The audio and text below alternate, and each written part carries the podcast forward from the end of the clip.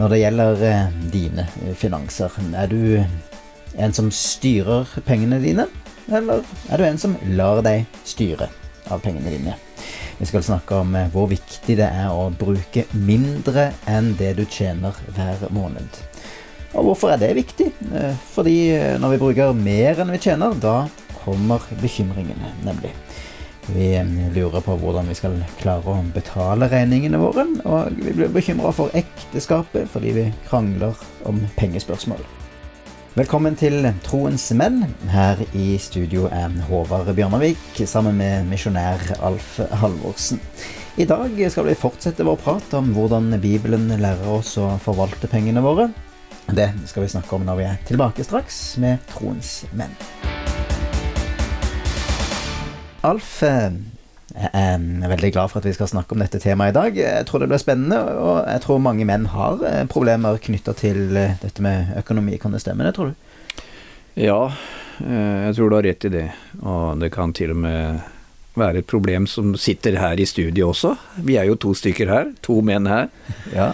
Eh, og det første spørsmålet ditt er viktig. Når det gjelder økonomien, så var spørsmålet styrer du pengene, eller blir du styrt av pengene? Eh, fristelse til å bruke mer enn du tjener, til å leve over evne, den er større enn noen gang. Og for mange av oss eh, så, som eventuelt da gir etter for den fristelsen, og da blir jo resultatet at vi blir styrt av pengene. Det vil si at vi er fanget av avdrag på ulike lån, og dermed så har vi mistet en del av friheten vår. Hm. Ok. Hvorfor um, har det blitt slik, da? Og hvorfor er det mer press på å leve over evne nå enn før, tror du? Ja, dette programmet tar jo utgangspunkt i den boka til Lonnie Berger, 'Every Man a Warrior'. Uh, og hans mål er jo, som tittelen sier også, at uh, hjelpe oss til å bli krigere som lever etter Guds ord. Og at ikke vi blir styrt av andre ting, ikke blir styrt av bekymringer. Særlig når det gjelder økonomi. Eh, vi kjenner jo til det fra den lignelsen av såmannen. ikke sant? Det ble uten frukt fordi bekymringene vokste som tistler opp ved siden av. Så vi skal kjempe mot det. Og, og, og Lonnie Berger han sier at uh, en stor del av problemet uh, er knyttet til forbrukslån og kredittkort. At de har blitt så lett tilgjengelig. Dette er en ting som uh, kjennetegner vår tid, og som ikke fantes for kanskje tidligere generasjoner på samme måte. Derfor er vi spesielt utsatt, og da er vi i en kampsituasjon. I år 2006 ble det sendt ut seks milliarder Du hørte riktig. Seks milliarder tilbud om kredittkort. Mm -hmm. og alle kom med et løfte om et bedre liv. At du skal kunne kjøpe alle de tingene fordi du fortjener det. Ja. Du, jeg må bare si, in, uh, erkjenne da, Håvard, at uh, i går så bestilte jeg et nytt kredittkort. så vi er, ingen av oss er spart for det. Nei. Eh, men eh, du ser likevel fornøyd ut, da. Ble du fornøyd av dette? Tror du du kommer til å bli fornøyd av dette kortet ditt? Eller? Ja, altså Jeg vet at da jeg satt inn i en ny Det blir en ny fristelse. Og dette er, eh, dette er jeg kalt til å mestre. Jeg er en, eh, en, en stridsmann som må alltid være på vakt at her ligger det noe. Et nytt kredittkart betyr en ny fristelse. Så eh, når vi leste fra 1. Timotus 6,9, så står det jo om nettopp om denne fristelsen. De som vil bli rike, faller i fristelser og snarer og gripes av mange slags tåpelige og skadelige begjær som styrter mennesker ned i undergang og fortapelse. Eh, vi kan godt bytte ut de ordene. De som vil bli rike, så kan vi heller si de som vil ha flere ting. Havesyke var et skammelt ord som mange hadde problemer med å vite hva det var. Har det noe med havet å gjøre, eller har det noe med hagen å gjøre? Men det er å have mere syke, sa de på dansk.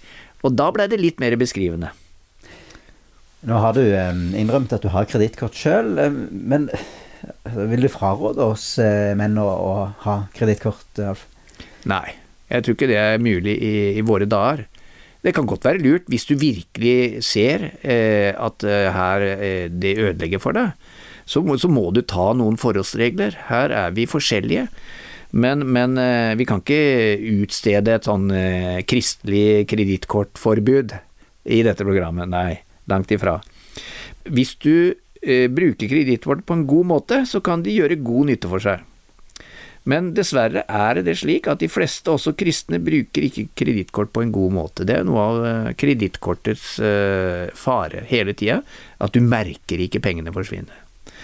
I ordspråkene 22.7 så heter det Den rike er herre over de fattige. Den som låner, blir slave under långiveren. Det går jo faktisk an da å låne penger på andre måter enn akkurat ved å dra kredittkortet. Ja, ja. Jeg, eh, jeg husker jo når jeg sjøl tok opp studielån, da var det altså 2500 kroner i år, det er 5000 kroner i året. Det er jo på 70-tallet. Men jeg merka jo allerede da at noen hadde tok opp maks og kjøpte seg en bil. Så den fristelsen var der.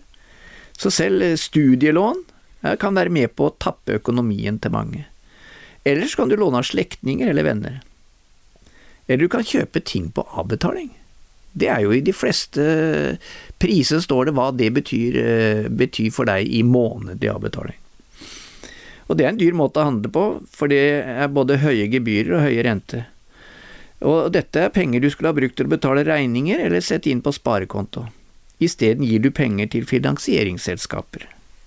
Og I alle disse tilfellene kan du ha falt for fristelser, istedenfor å nekte deg selv et gode og heller stole på at Gud vil sørge for dine behov.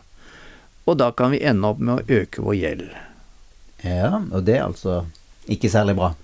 Nei, det er ikke bra, det. Vi må se litt nærmere på hvorfor det er slik, hvorfor det ikke er bra.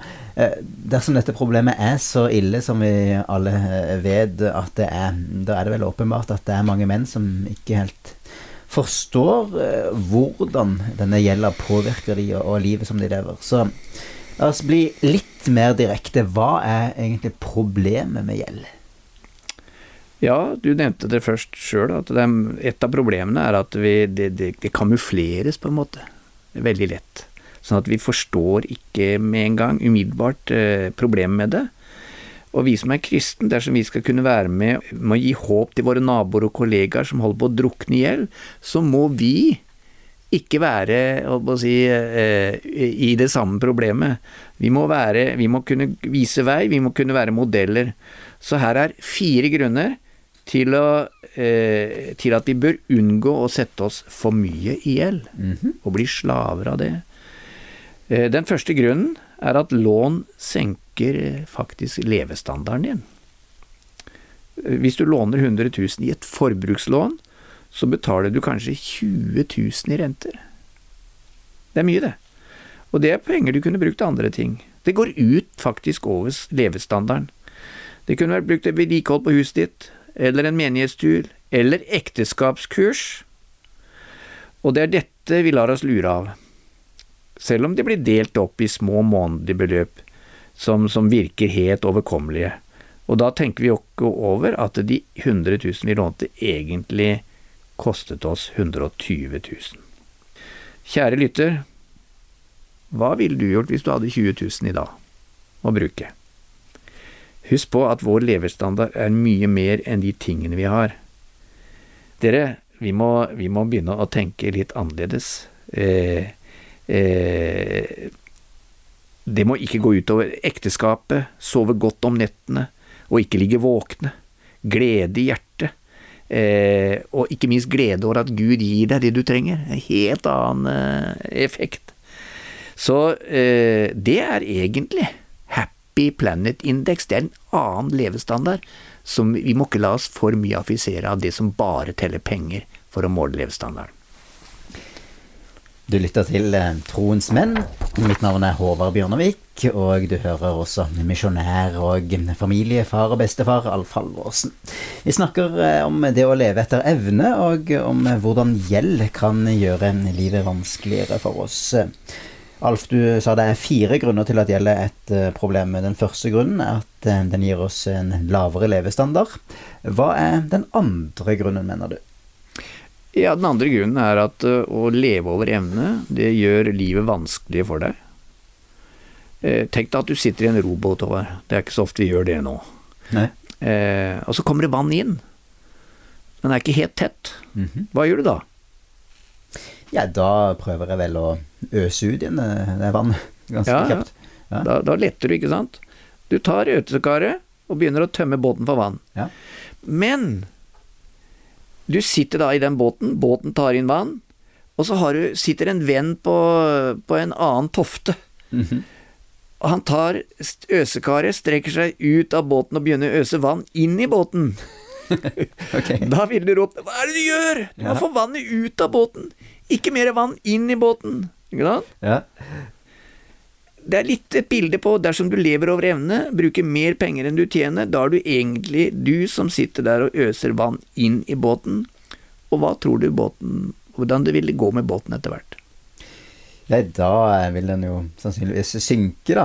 Eh, akkurat sånn som det var med dette paret som vi snakka om i forrige program, som det ikke gikk eh, så bra med. Nei, Jonas og Karen, ja. Og det er egentlig en trist historie. Eh, for de hadde fått en god start. Men så satt de altså i en så stor gjeld at de gikk personlig konkurs, og det endte med skilsmisse for ekteparet. Så her i Troens menn så ønsker vi ikke at noen av de mennene som lytter til oss, skal ende opp slik. Det tredje problemet med gjeld er at det er mye enklere å sette seg i gjeld enn å kvitte seg med gjeld. Det er, tror jeg alle er enig i. Og når du først har satt deg i gjeld, så må du i tillegg leve over evne for å kvitte deg med den. Og du må også være villig til å gjøre en dramatisk endring i livsstil for å kunne betale ned gjelden din. Dette er veldig krevende. Det fjerde problemet er at uh, gjeld kan bli noe som går videre i generasjoner. Uh, et eksempel er studielån. Mange har så store turlån at når de endelig er ferdig med å betale ned disse, så er barna så store at de skal begynne å studere, de, og foreldrene er ikke i stand til å hjelpe dem med å unngå å starte livet med gjeld, og da kan det fortsette slik neste generasjon deretter, osv. Så, videre. så øh, du modellerer, og, og du skaper eh, langsiktige problemer også. Så dette er fire grunner til at gjeld er et problem. Eh, eller hva, la oss si, da, for å være realistiske, stor gjeld er et problem. Og så skal vi se på noen steg som kan hjelpe oss ut av gjeld. Og disse mm, stegene her, de er da mm, aktuelle og mm, uavhengige av hvordan man har opparbeidet seg denne gjelda? Eh, og, og, de stegene som vi nevner, kan være eh, aktuelle for alle som vil bli kvitt gjelden. Det første det ligner jo litt på den der eh, den der luksusfellen, da, ikke sant? Ja, det. ja. Det viktigste er å få oversikt over den økonomiske situasjonen. Lag en oversikt over alle regningene dine, og summer dem. Og så skriver du ned alle inntektspostene og summerer dem også. Og så ser du på forskjellen. Har du mer inntekter enn kostnader? Det høres jo egentlig ganske banalt og enkelt og selvfølgelig ut. Har folk flest ikke styring på økonomien sin, tror du? Ja og nei. Altså, jeg tror Vi snakker ikke om, om, om alle, selvfølgelig, men, men, det er mange som ikke, i hvert fall ikke har en slik oversikt. Og det er spesielt når veldig få har det, så har ofte ikke de det som aller mest trenger det. Eh, og det vet mange er kanskje da ikke klar over at de lever over evne og de blir ofte sjokkert over hvor ille problemet er. Og det er veldig viktig å lage en skriftlig oversikt. Jeg husker en, en Nå er jeg på en helt annen økonomi, men en malisk kristen som spurte meg, han, han sleit nå med det at ikke endene møttes, som de sa. Ja, det er jo et gammelt uttrykk for det samme. Fikk ikke endene til å møtes. Mm. Og han spurte, så sa jeg akkurat det til han.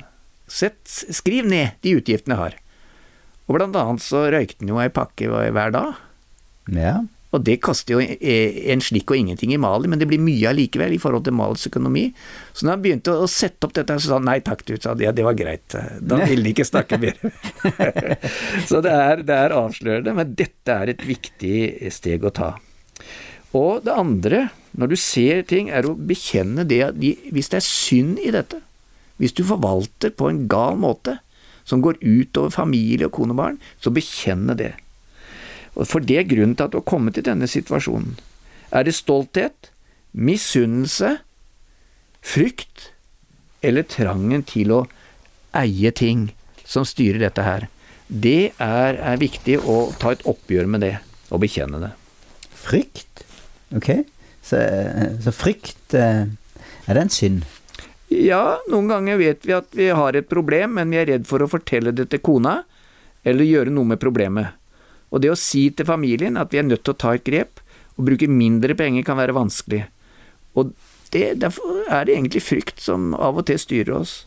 Og det leder oss over i det tredje steget, og det er rett og slett å be sammen med kona di om visdom og styrke til å gi etter for fristelsen til å leve over evne. Det er veldig viktig at ektepar jobber sammen for å bli kvitt gjelden.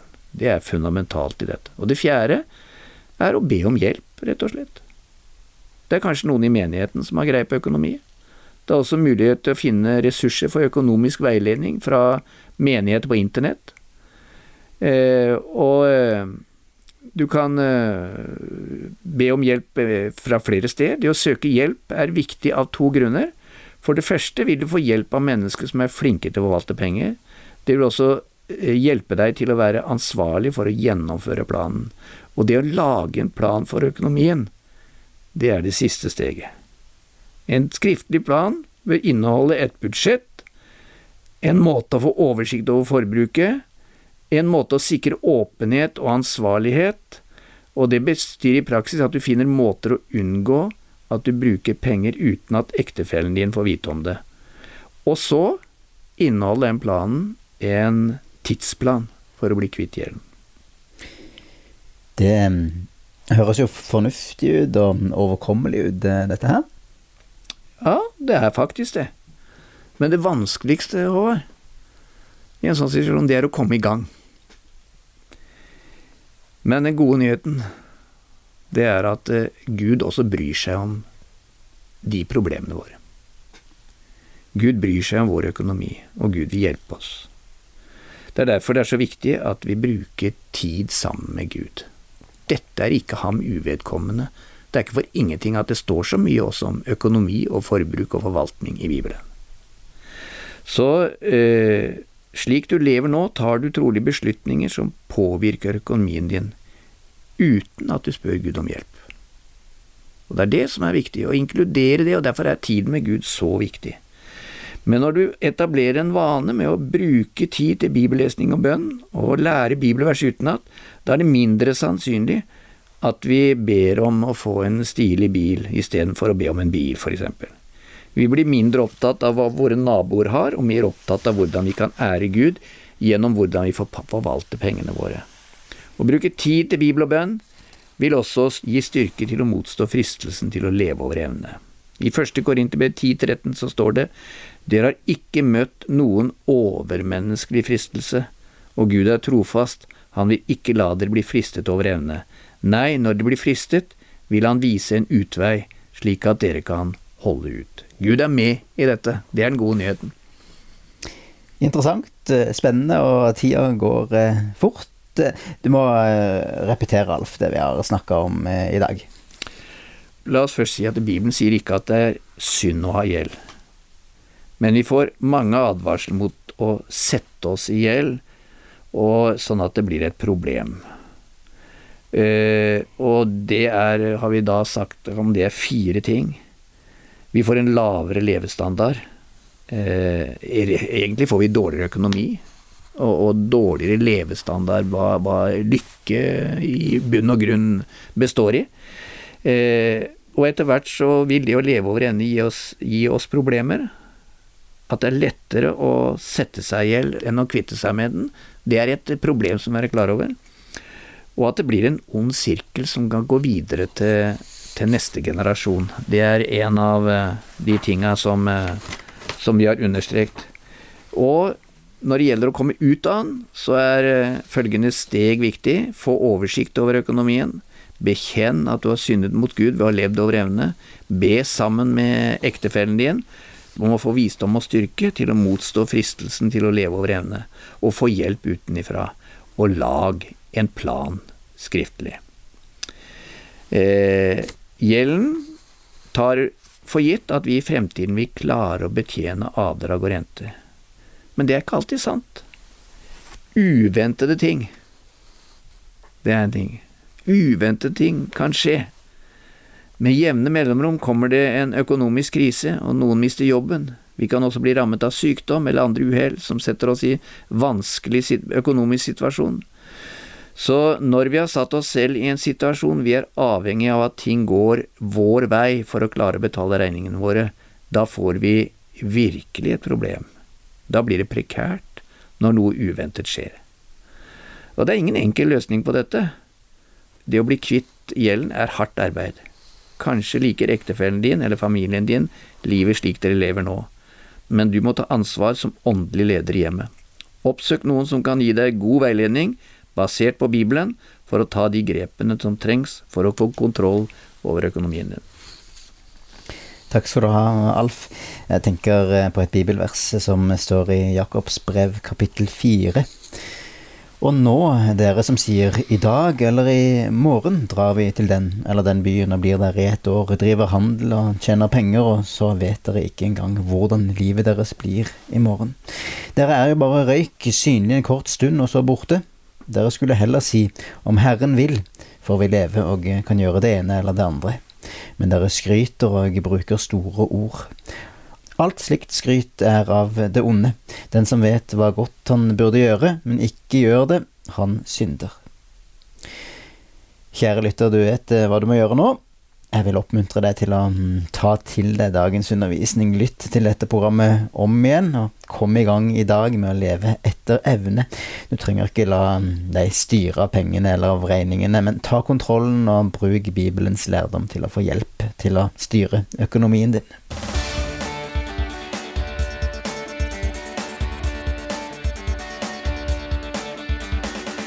Takk for at du hører på Troens menn, hvor menn utrustes og styrkes til å møte sitt gudgitte potensial. I dag har vi snakket om å leve etter evne. Dagens program er basert på det andre kapittelet i den tredje boka i serien Every Man a Warrior, skrevet av Lonely Burger. Det er mye mer om økonomi i eh, den boka. Boka er god både for enkeltpersoner og cellegrupper og klasser og forsamlinger. Og For mer informasjon om den boka og om dette programmet, besøk troensmenn.no eller norea.no. Troens menn er den norske utgaven av Transworld Radios Champions Arise. Mitt navn er Håvard Bjørnvik, og du har også hørt i studio misjonær og familiefar Alf Halvorsen. Takk for at du hører på Troens menn. Må Gud velsigne deg og gjøre deg til den mannen han vet du kan bli.